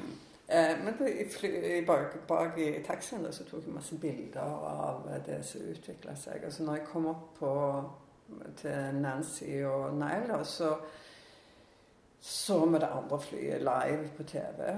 Og så ble vi jo sittende der hele dagen og, og prøve å finne ut hva vi skulle gjøre, og hvordan vi skulle komme oss ut av Manhattan. og Hva, skulle, liksom, hva var de riktige trekkene å gjøre. Jeg hadde et pass mitt liggende nede i, i downtown nesten, som jeg bodde. Uh, jeg var jo nærmere Soho, da, så det er jo enda et stykke mm. ned til World Trade Center. Eh, så det var veldig problematisk. Men jeg tenkte det måtte jo bare reise ut. Og, og det, Manhattan er jo veldig vanskelig, for det er jo på en øy. Det så, så hvis alle skal liksom ut og ikke ha båt og sånne ting, så bare helt sånn ah! ja. Men en utrolig interessant opplevelse. Og så skulle jeg åpne opp mitt første teaterstykke i Oslo. Som var satt opp på Black Box eh, den eh, Jeg tror det var den 15. september. Og, så, og der hadde jeg invitert min mor til å komme. Så jeg ringte henne ganske tidlig om morgenen, sånn halv ti eh, amerikansk tid. Og for da jeg tenkte at telefonnettverket kom til å bryte sammen. Så jeg bare mm. ringte og sa at I'm ok. Og så, men det, er noe som har skjedd i New York og sånn. Hun visste ingenting. Så hun sa bare sånn Ja, men ja, vi skal jo til Oslo på, på fredag. Du må jo komme hjem til det. Og så, og så, men så fikk jeg henne da til å ringe rundt og så til atelieret mitt i Paris og til å si fra at jeg var ok. da. Så, eh, og så ble jeg værende i eh, New York etter det i en måned. For det var så interessant å være der. Og så reiste du igjen? For jeg kunne ikke komme tilbake til ja. premieren likevel. Ja. Så, men det er litt sånn dumt, her, for det er den eneste teateroppsettet jeg har hatt. Ja i mitt liv. Mm. Altså et ordentlig teaterstykke som var satt opp og spilt uh, 100 ganger i Black Box og området der. Mm. Sammen med Ibsen-teatret, ja. som jeg aldri har sett. Mm. Ja. Men, uh, nei, det, det, som skjedde i New York, var jo at uh, menneskene Det var en veldig høy IQ i Manhattan. Så av, av det å overleve der gjør bare at alt blir veldig skjerpa. Mm. Folk jobber to eller tre jobber. Aldri noe problem til å si at du er både filmskaper, kunstmaler, bareier og eh, et eller annet annet. Altså importør av noe alle har liksom noe med og Det kan være DJ i tillegg, eller mm. manager av en rockegruppe i tillegg. Eller, altså, liksom, mm. For det at de bare lager livene sine i forhold til de, hvor de er hen, og hvor de, hvor de, går, og hva de liker. Og så lager de businesser i, i livsstilen som de har. Og det var jo sånn som jeg opplevde her i Norge, så skulle det bare være én ting, liksom. Skomaker bare lagde sånne brune sko. Skikk sorte røde sko, og ikke sånn men sånn. Ja. Så, eh, men det, det, som skjedde da, at da kom jo byen opp på en sånn empatinivå som var helt fantastisk. Så hvis du gikk litt rundt og så litt lost ut, så kom det folk bort til deg og sa liksom Can we help you? Are you okay? Og, og det var sånn du kunne få møte med hvem som helst du ringte til direktøren av det og det selskapet, så fikk du møte med en gang. Sånn, det ellers ville, tatt, eller ville vært helt umulig å komme opp gjennom gaten og gjennom sekretærer og sånne ting. Så det ble veldig Etter et år så var det omtrent tilbake til sånn som det hadde vært før. Men det var liksom et sånn et sånn tidsrom mm. der. Spennende å være der, da, akkurat. Mm, det er det. altså Det er veldig sånn selvmotsigende. Folk i Norge var det jo mye reddere enn det vi var. Så Avisene her hjemme skrev jo side opp og side ned med og det var planlagt gassangrep og disse dato. Jeg sjekket i New York, det var ingen sånne informasjoner noe sted. og VG liksom holdt på. Mm. Bilder av folk i gassmasker på fremsiden og sånne ting. Ja, helt sykt. Og folk turte ikke reise lenger til, til New York, for de så, leste jo VG, da, og så så du jo alle de der skrekkhistoriene. Og vi som bodde der, vet vi skjønte jo ingenting. Jeg sa it's snart over nå, liksom. Det er ferdig nå. Det er jo litt sånn ennå i Paris òg, at folk blir veldig redde alt som, som skjer i Paris. Mm. Jeg har jo vært igjennom de der terrorangrepene der eh, på 90-tallet, på 2000 og det nå i de siste fem årene òg. Mm. Det skjer jo hele tiden noe. Mm. Så. Nei, så New York er et interessant sted å, å vær. Og det, når jeg bodde der i det der penthuset, så var det sånn at jeg holdt på å sette opp et nytt prosjekt sammen med, med Nile. Og så hadde jeg et samarbeid med Karim Rashid, som også er en, en berømt designer mer innenfor industri. Han hadde sett min første visning og skrev et brev til meg om kan vi samarbeide. og mine amerikanske verter de holdt jo på å falle av stolen når de så det brevet. Det var, oh, Karim, he's like famous, famous, famous. You want to work with you here. Det det er ikke andre veien, liksom, at det, det er jeg som vil jobbe med han, og han som vil jobbe med deg. Så, øh, og så ble det litt lagt på is da pga. denne her øh, 11. september-tingen, og så gjorde jeg det et år seinere. Og så så jeg også etter sponsorer og penger og sånne ting for å få betalt. Altså det koster jo mye å lage noe på Senaton Sixth. Da kom folk opp i penthouse med et sånn forskjellige selskaper. Sånn, så kom de opp der, og så satt de der og kikket litt rundt, og så sier de til meg sånn You live here and you're asking us for money?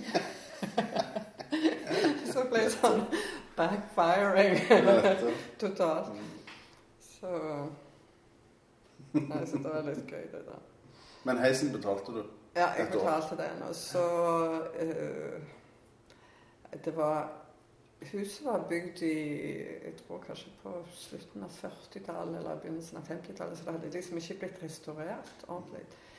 Så når det var storm, så var det akkurat som å være på toppen av en skute der oppe med liksom vind og ruter og alt liksom bare Og jeg elsker å være der oppe. Det var jo litt sånn å være oppe i, på fjellet. Mm. Tatt midt i fjellet her i Norge. Så når, men når som helst kunne du gå ned her, så var resten av byen der. Ja. Så, så var det jo også veldig Det var liksom, det var sånn, litt sånn shabby og sånn, så det var ikke, jeg hadde ikke masse penger til å gjøre noe. Det skulle ikke gjøres noe der, bortsett fra at jeg hadde utstillinger og prosjekter og installasjoner og sånne ting. Hadde jeg hele Burning Man-ledelsen på besøk. For de var venner også av, eh, av, eh, av Brianna Wayne, som hadde vært sponsorer i, på Burning Man. Så jeg kjenner jo personlig Larry og hele den der gjengen, så jeg var hosta de i fire dager. Det er litt spesielt. Og så eh, Nei, så mange Jeg ble jo kjent med masse folk i, i New York som er interessante mennesker. Ja, om sommeren så var det så varmt, så da hadde jeg også et sånt problem med aircon. For det var aircon der. Han bråkte sånn, så det var så å ha en sånn gigantisk traktor i rommet. Sånn, boom, boom, boom.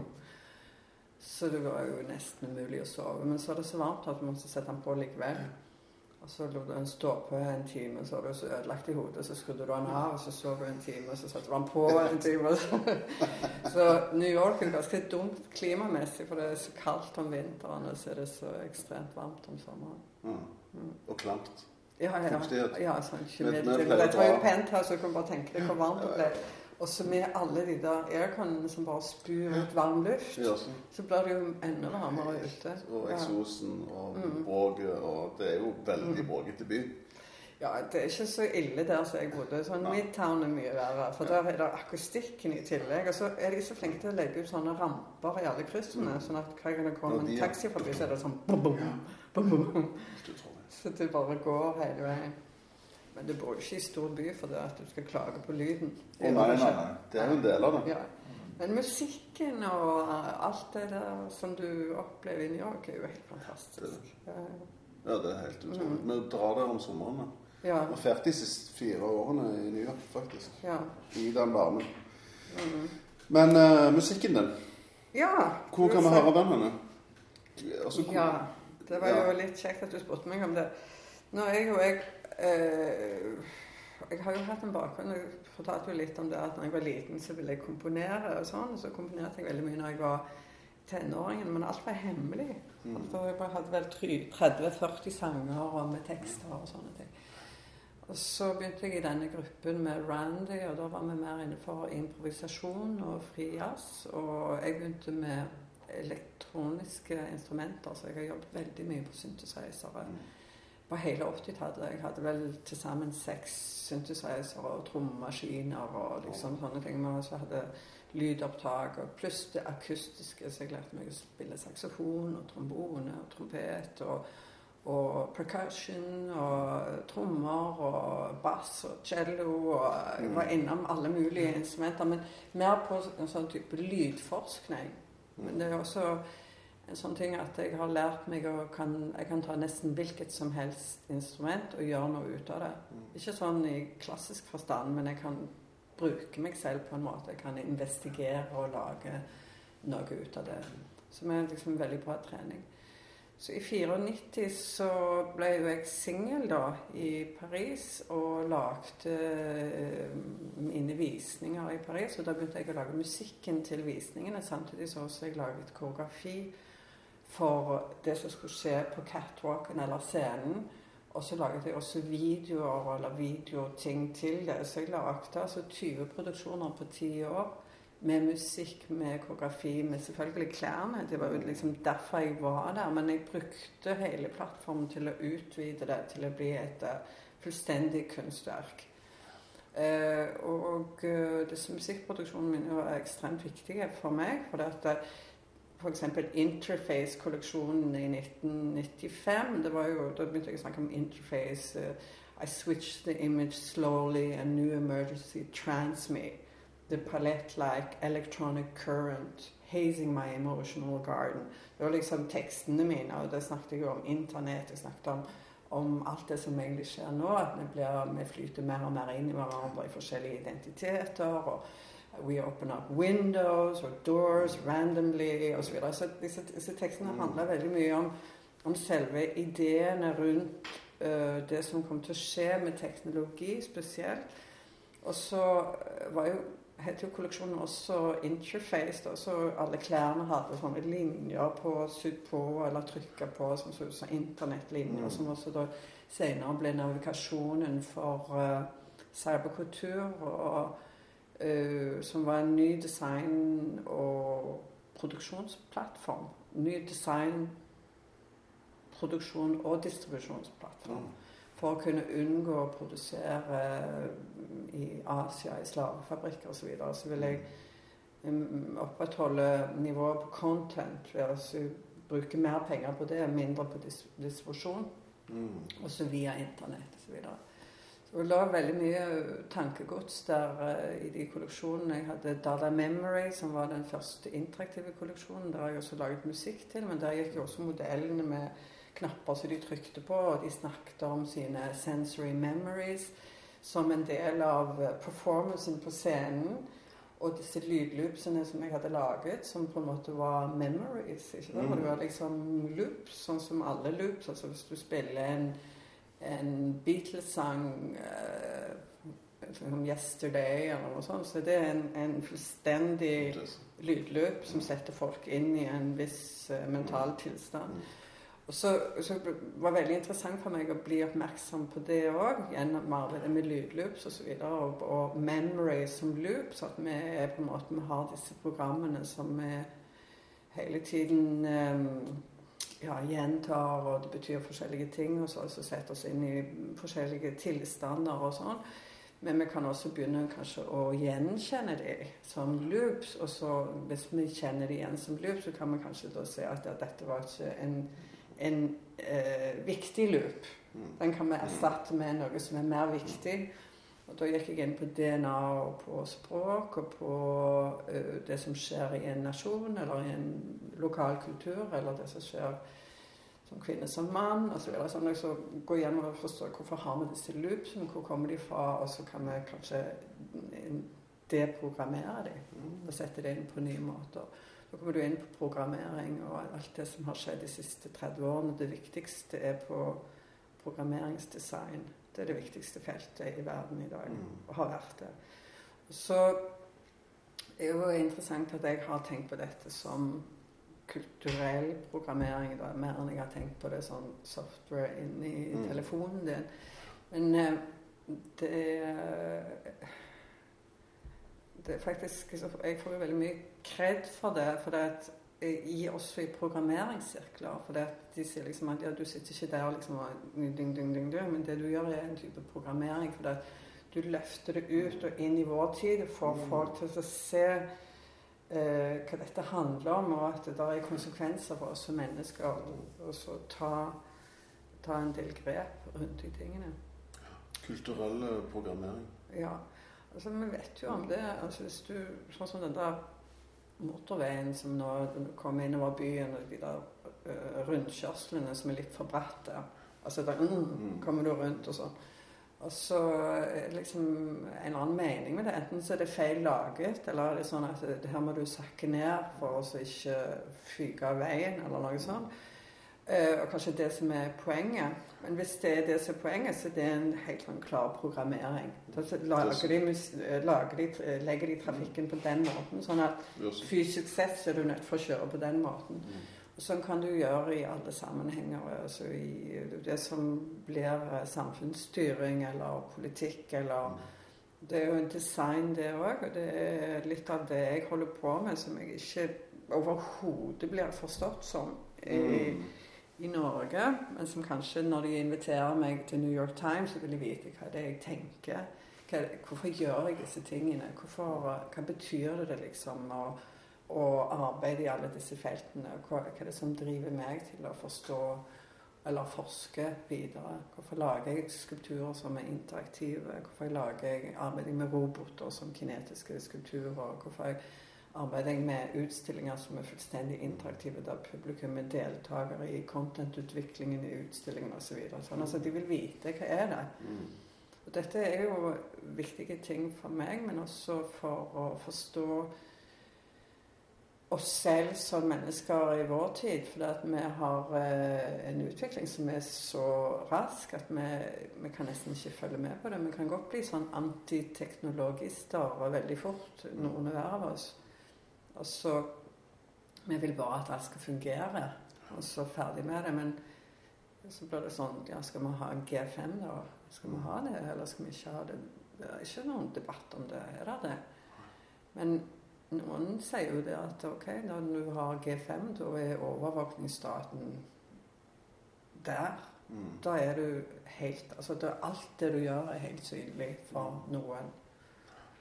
Og så er det liksom det at vi må sitte og veie opp da, om det er en fordel for oss, eller om vi skal prøve oss å si det holder med G4. Mm.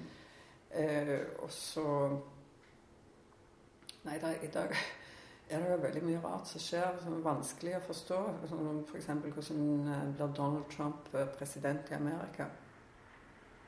Det er jo kjempevanskelig å forstå rent intellektuelt for, mm. for de fleste. Mm. Uh, og ikke bli deprimert er òg veldig vanskelig. Da, sånn, altså, du, du, du, greier ikke så holde det på noe sånn nivå som i forhold til sånn noenlunde forventninger du har hatt før.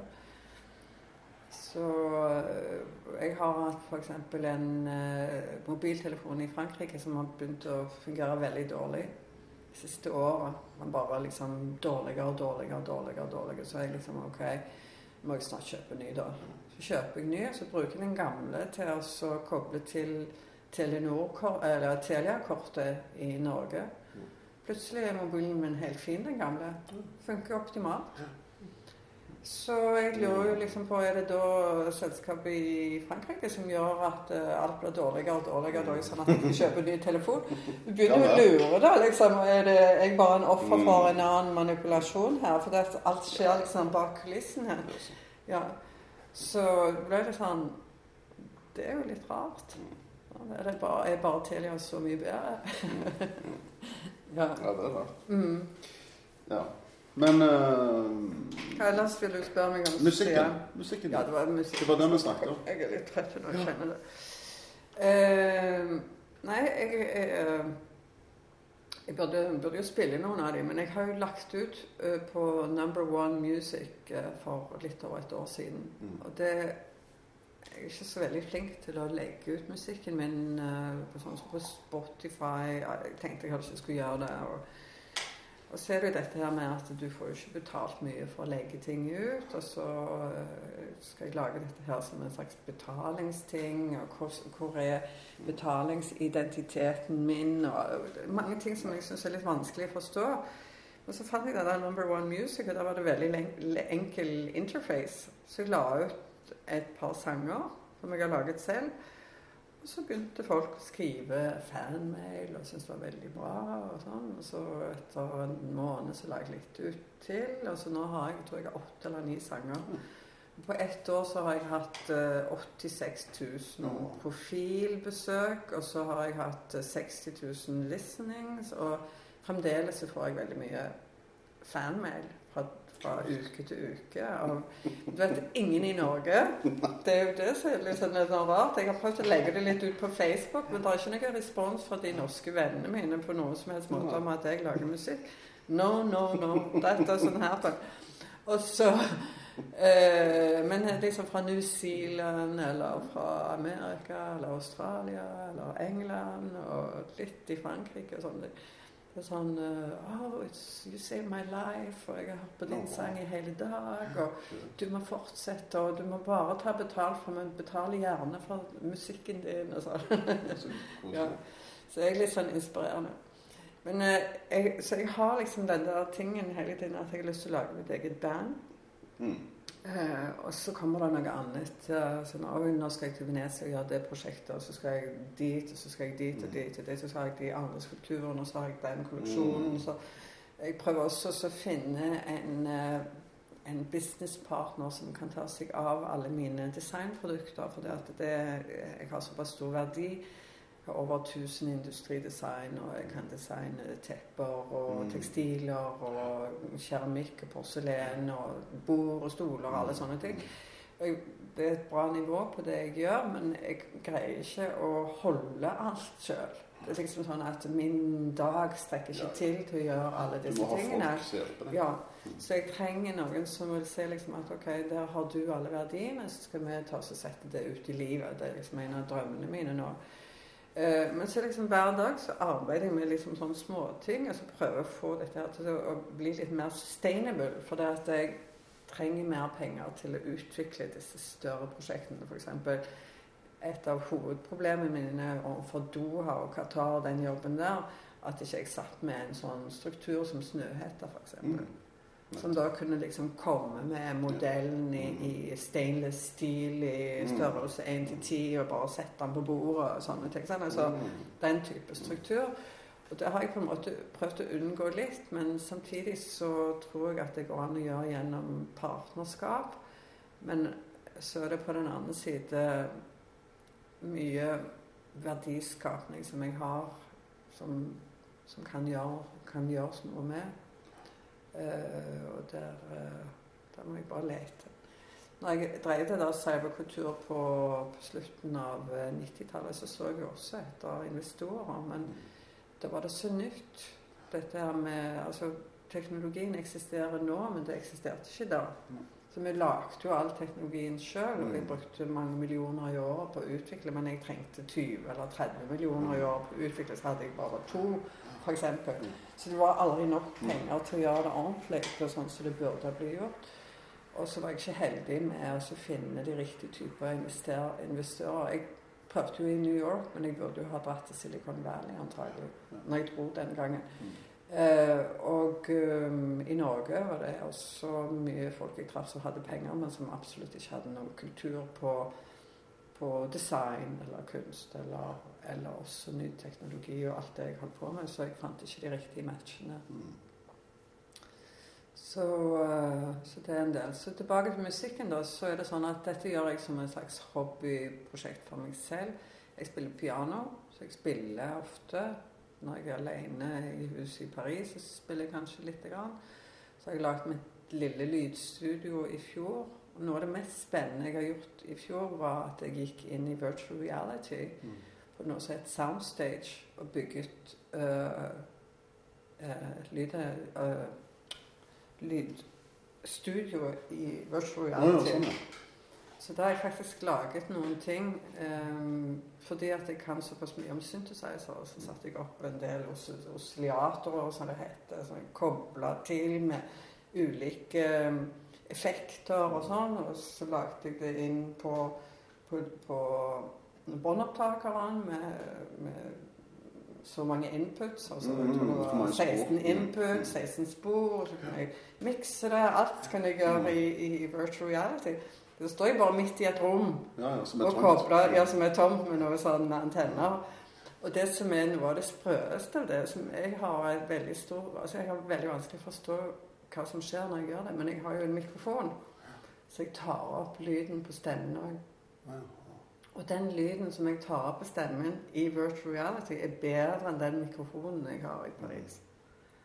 I don't know how that happened. det er liksom en sånn ting. Men det er Så jeg har en, en god del prosjekter. Som i fjor så var jeg også på uh, med mitt første virtual reality-prosjekt i noe som heter Cute Art. Da ble jeg også vist sammen med Marina Abramovic og Olaf Oraleson og Anish Kapoor, som har laget en helt fantastisk ting. Eh, så jeg arbeider også med å prøve å få eh, nok penger til å lage en ny produksjon i VR. Og Det er en del eh, investeringer, altså sånn utstyr som er litt tøft ha, når du skal ha det sjøl. PC-er og, og så, så, mye laptops og mm. lyder og masker og sånne ting som så du trenger. Og jeg er ikke noe PC-menneske, så det er egentlig litt av barrieren min, for jeg har alltid jobba på Mac. Um, så, og da er det ikke bare musikk, men det er også du kan forme ting, eh, skulptur i 3D, hvor du kan produsere alt inni der. Altså mm. alle mulige ting. Og bare sende det til 3D-printing og, og sånn. Så da snakker jeg litt kanskje at jeg skal gjøre en slags type greie med Vitenfabrikken igjen. Jeg håper det kan, vi kan få det til. Vi kan lede en type sånn mm. workshop samtidig som jeg kan formidle til å utvikle noe av dette her sjøl. Uh, så var det bandet, da. Så hvis jeg skal ha band, så er det sånn at uh, da har jeg en Det som var kjekt når jeg hadde visninger, at da hadde jeg en sånn veldig sånn overflate utad. Både mot pressen og verden kunne jeg snakke i media om alle mulige ideer. Og så mye av kunsten, sånn som malerier og sånn, da er du veldig sånn inn i atelieret, du sitter helt alene, og du pirker i noe og arbeider veldig konsentrert. Så jeg har alltid likt å ha noen sånne prosjekter som er utadvendte, mm. som blir litt sånn Og det jeg kunne tenkt meg å gjøre med et band. da, vil det være en sånn type performance. Hvis du tenker deg sånn Massive Attack, da, sånn som liksom er på scenen, så gjør de mange ting. De, de er liksom mer sånn teknofolk, men så er det liksom noe som skjer, og så er det bare den lyden og sånne ting. Jeg tenker For meg altså supplementere med store prosjektorer og kanskje med augmented reality og liksom sånne ting. Så at jeg kunne lage noe virkelig bra. Og jeg tenker ofte på sånne ting som jeg har lyst til å gjøre, men så liksom OK, hvordan kommer jeg dit? Og så det liksom hver dag en sånn du, Det er vanskelig å komme bort dit sånn som jeg har det nå, for jeg må gjennomføre såpass mange ting for å få eh, økonomien på plass til å kunne bruke så mye tid til å gjøre det der. Så jeg er sikker på at jeg kan tjene penger der, men du må liksom komme mm, dit. For du skal ha folk. Du skal ha folk som skal inn, og som skal utvikle og gjøre ting. og Altså, hvis du skal, jeg skal ha en knallbra trommis, f.eks., så, sånn, så du kan ikke bare sitte og holde på det i all evighet uten at vi får inntekter. Ja. Så det gjelder liksom å finne et team og hvem som har lyst til å være med. og sånn. Så leker veldig med det. Uh, har lyst til å gjøre noe mer mm. med musikken hele tiden. Brenner veldig for det. Lager tekster og noen ganger har jeg sittet og spille. Det som er rart med meg, er at jeg kan sette meg ned og komponere noe på ti minutter. Mm. Men i morgen husker jeg ikke hva det var jeg gjorde. Det er ferdig. Det kommer bare, og så ja. går du videre. Ja. Så hvis i morgen så lager jeg noe helt annet. Ja. Og så, men så det er sånn uendelig. Så jeg kan sitte og liksom bare pusle litt rundt. Så har jeg tre-fire temaer, og så sier jeg sånn, sånn, sånn, sånn. Og så hvis jeg bare husker de da det er veldig bra hvis jeg tar de opp. Ja. Altså, så kan jeg arbeide og bearbeide det, sette det sammen og brodere mm. på det. og legge inn nye lyder og tekst, ja, eventuelt mm. teksten. Teksten pleier jeg å ta helt på slutt, og den pleier jeg å ta i one take, improvisert. Det var veldig kjekt. For det, for det første så hadde jeg aldri mye tid til å være der stort lenger enn akkurat den tiden det var til å gjøre det. Og da ble jeg liksom bare å ta med meg en bunke med dikt, og så mens jeg holdt på, liksom, så var det sånn OK, det spør han, Og så, og så ombestemmer jeg midt inne i sangen for å ta en annen, så jeg fortsetter halve diktet her og det andre her og sånn. Det er en kjempe, sånn, kjempebra øvelse når du gjør det, for det har jo med improvisasjon å gjøre. Mm. Du bruker det du har, men du hører det samtidig som du gjør det, så du må velge det riktige mm. der og da. Du har ikke du holder deg skjerpa ja, annen ja, antageligvis. Ja. Og så at det da blir bra, kanskje bare etterpå i, i, i miksen, da, et par justeringer og sånn. Mm. Jeg har jo jobbet med Bugge Wesseltoft, mm, eh, og, jeg har jobbet med, ja, jobbet med andre Nile Rogers var jo kanskje det, det viktigste samarbeidet i og med at han er så berømt. Uh, men når jeg kom inn der og skulle legge stemmen på, så sa han der teknikeren sånn Ja, du vet hvem som var her i går? Og Så sa jeg nei. Diana Ross. Og å, oh, shit. Det tror jeg ikke. Altså, I, I, I don't know if I can sing, liksom. Og, så, og dagen før hadde Luther Vandross vært der. Og det er liksom bare sånn at OK, jeg har noen skvikelyder i min stemme som jeg skal bruke. så, nei, så det ble jo kult. Men uh, Venezia, da skal du til biennalen i mai? Eller? Jeg arbeider med det. Og, og, det er veldig vanskelig i Venezia. For nå har jeg gjort tre, tre, prosjekter der. Så jeg har lært meg ganske mye hvordan det fungerer. Og Venezia, altså venezianerne de er veldig smarte folk, og de har lyst til å leie ut. og De, bruker, altså de tjener penger på å leie ut hele byen mm, før biennalene. Mm. Og de holder litt igjen, da, for de vil jo ha best mulig deal. Mm. Sånn at jeg er inne og har tilbudt et par steder. Og jeg, det er ganske mye penger vi snakker om, egentlig. Og, men jeg har liksom greid å få finansieringen på det som ville være første depositum. Mm. For det at hvis jeg får det inn, så er jeg ganske sikker på at jeg kan greie å finansiere resten. Men nå står jeg liksom og venter litt, for de venter litt på å ta avgjørelsen fra at jeg har sagt ja. Og i dag fikk jeg høre at de hadde forandra litt og de, de, første tingene som de hadde tilbudt meg. Nå gir de meg litt vanskeligere ting enn det jeg hadde tenkt på. Og så venter jeg da på, på svar. For det, som jeg sier til det, at nå er jeg midt inne i en sånn eh, runde med potensielle sponsorer. Og jeg har veldig mange ideer på hvem jeg kan ta kontakt med osv. i forhold til hvordan jeg løser planen. Men jeg kan ikke gjøre noe før jeg har eh, den der greien i bunnen, at jeg vet at jeg har lokalene. For da er jeg veldig sikker på hvordan jeg kan selge det videre. Jeg må jo da selge dette her til mine sponsorer.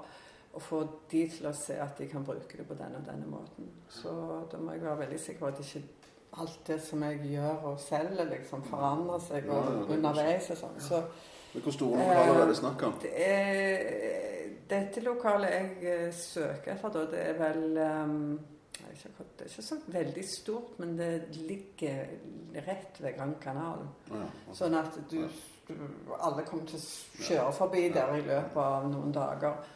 Og det at min installasjon er bare rett inn forbi en av de der doble vinduene, det er det som gjør at jeg syns det er så kult å gjøre det. For det hadde vært, Før har jeg vært på andre lokaler andre steder, men i og med at jeg har fått dette tilbudet, så tenker jeg sånn, ok, men da er det så mye lettere. for det hvis du er liksom langt i Haiti, så er det liksom logistikken med Du må få med, de dit. Ja, få de dit og sånne ting. Sånn at her får jeg en del ting gratis. Bare å sette opp navnet mitt på forsiden, så har jeg allerede gjort noe. Ja. Sant, altså. så, så, eh, jeg håper at det går i orden. Jeg har jo sagt ja da, så antagelig så reiser jeg ned eh, men det er disse mellomfolkene, det er mellommenn. ikke sant? Og, det, og hvordan de gjør det. Så, så det er liksom de der borte, de som skal leie det til meg, og så er det de som er imellom, som skal tjene penger på dette, så jeg er her. Og så alle holder på i forskjellige interesser og ditt og datt, og alle skal ha noe ut av dette her. Så ja, det blir fort gjort. Ja, nei, det Men jeg, liksom, jeg ser det at det er veldig kjekt å gjøre det. Jeg er veldig glad for de tingene jeg har gjort i Venezia allerede. De to som jeg gjorde. Den første var jo veldig utfordrende, tror jeg, på alle. For det at eh, det var ingen i Norge som hadde gjort noe sånt. Jeg er fremdeles kanskje en av de få som har gjort noe uavhengig. Jeg tror han eh, Hva heter han med rottene? Ja, Morten Biskum. Biskum, ja, har gjort et par småting sånn ja. uavhengig, men ellers er det ikke så mange som har gjort noe. Men eh, Liv Audun Brakstad, som jeg jobber litt med, hun har jo vært i Venezia hvert år. I ah, er det hun performance-kunstner? Ja. ja, hun har vært hun var innom her ja, ja, ja. Hun har vært her, ja. Stemmer det. Rett før jul. Ja, Men hun gjør mer performance. Da, ja, ja. Så hun skal vel gjøre performance i min utstilling, kan jeg regne med. Jeg var ikke klar over henne, for jeg tror ikke jeg så henne i mine visninger i 2011 og 2013. Men uh, det var jo mange rare ting. Jeg husker at i 2013 så hadde jo kunstskolen vært nede fra Stavanger i Venezia, men de kom ikke innom min utstilling. Jeg tenkte sånn, Hvorfor gjør dere ikke det? Ja, nei, vi hadde så travelt og sånn. Jeg, men det er jo eh, verdifullt at dere tar med elevene for å se hvordan en uavhengig kunstner lager en stor utstilling i, i Venezia, som blir valgt som beste parallellutstilling til Venezia-biennalen. Altså, er ikke det viktig? Mm. Så det er, liksom, det er litt eh, tamme noen ganger til å catche sammenhenger og, og for det at uh, folk er for, mer, for, mye opptatt her av hva de liker, hva, hva kunstsmak skal være, og, og, hva som er riktig kunst i forhold til konsensus. Altså hvis eh, konsensus i Oslo er sånn, og de sier dette er bra, så syns alle det er bra. Så, sånne ting. Istedenfor å tenke på uh, hvem er det som gjør noe nå? Hvem er det som spark, har fraspark? Hvem er det som uh, liksom skårer mål? Sånn ville vært i en fotballkamp. Mm. Du hadde ikke hatt liksom tre like som sto der og sparka på samme måte. Det er jo liksom de som greier å vinne kampen. Mm. Så Og det er litt sånn uh, kjedelig, det syns jeg, at, uh, at, kunst har blitt en sånn ting som bare er sånn synsing på alle sider. Og hvor uh, energi og, og, vilje liksom ikke tatt med lenger som, som vesentlig. Mm med faktisk litt for mye av den der synsingen. Ja. Ja. Jeg tror vi avslutter med den. Ja, hvis du syns det. Skal, du, skal jeg sende noe av musikken til deg? Ja,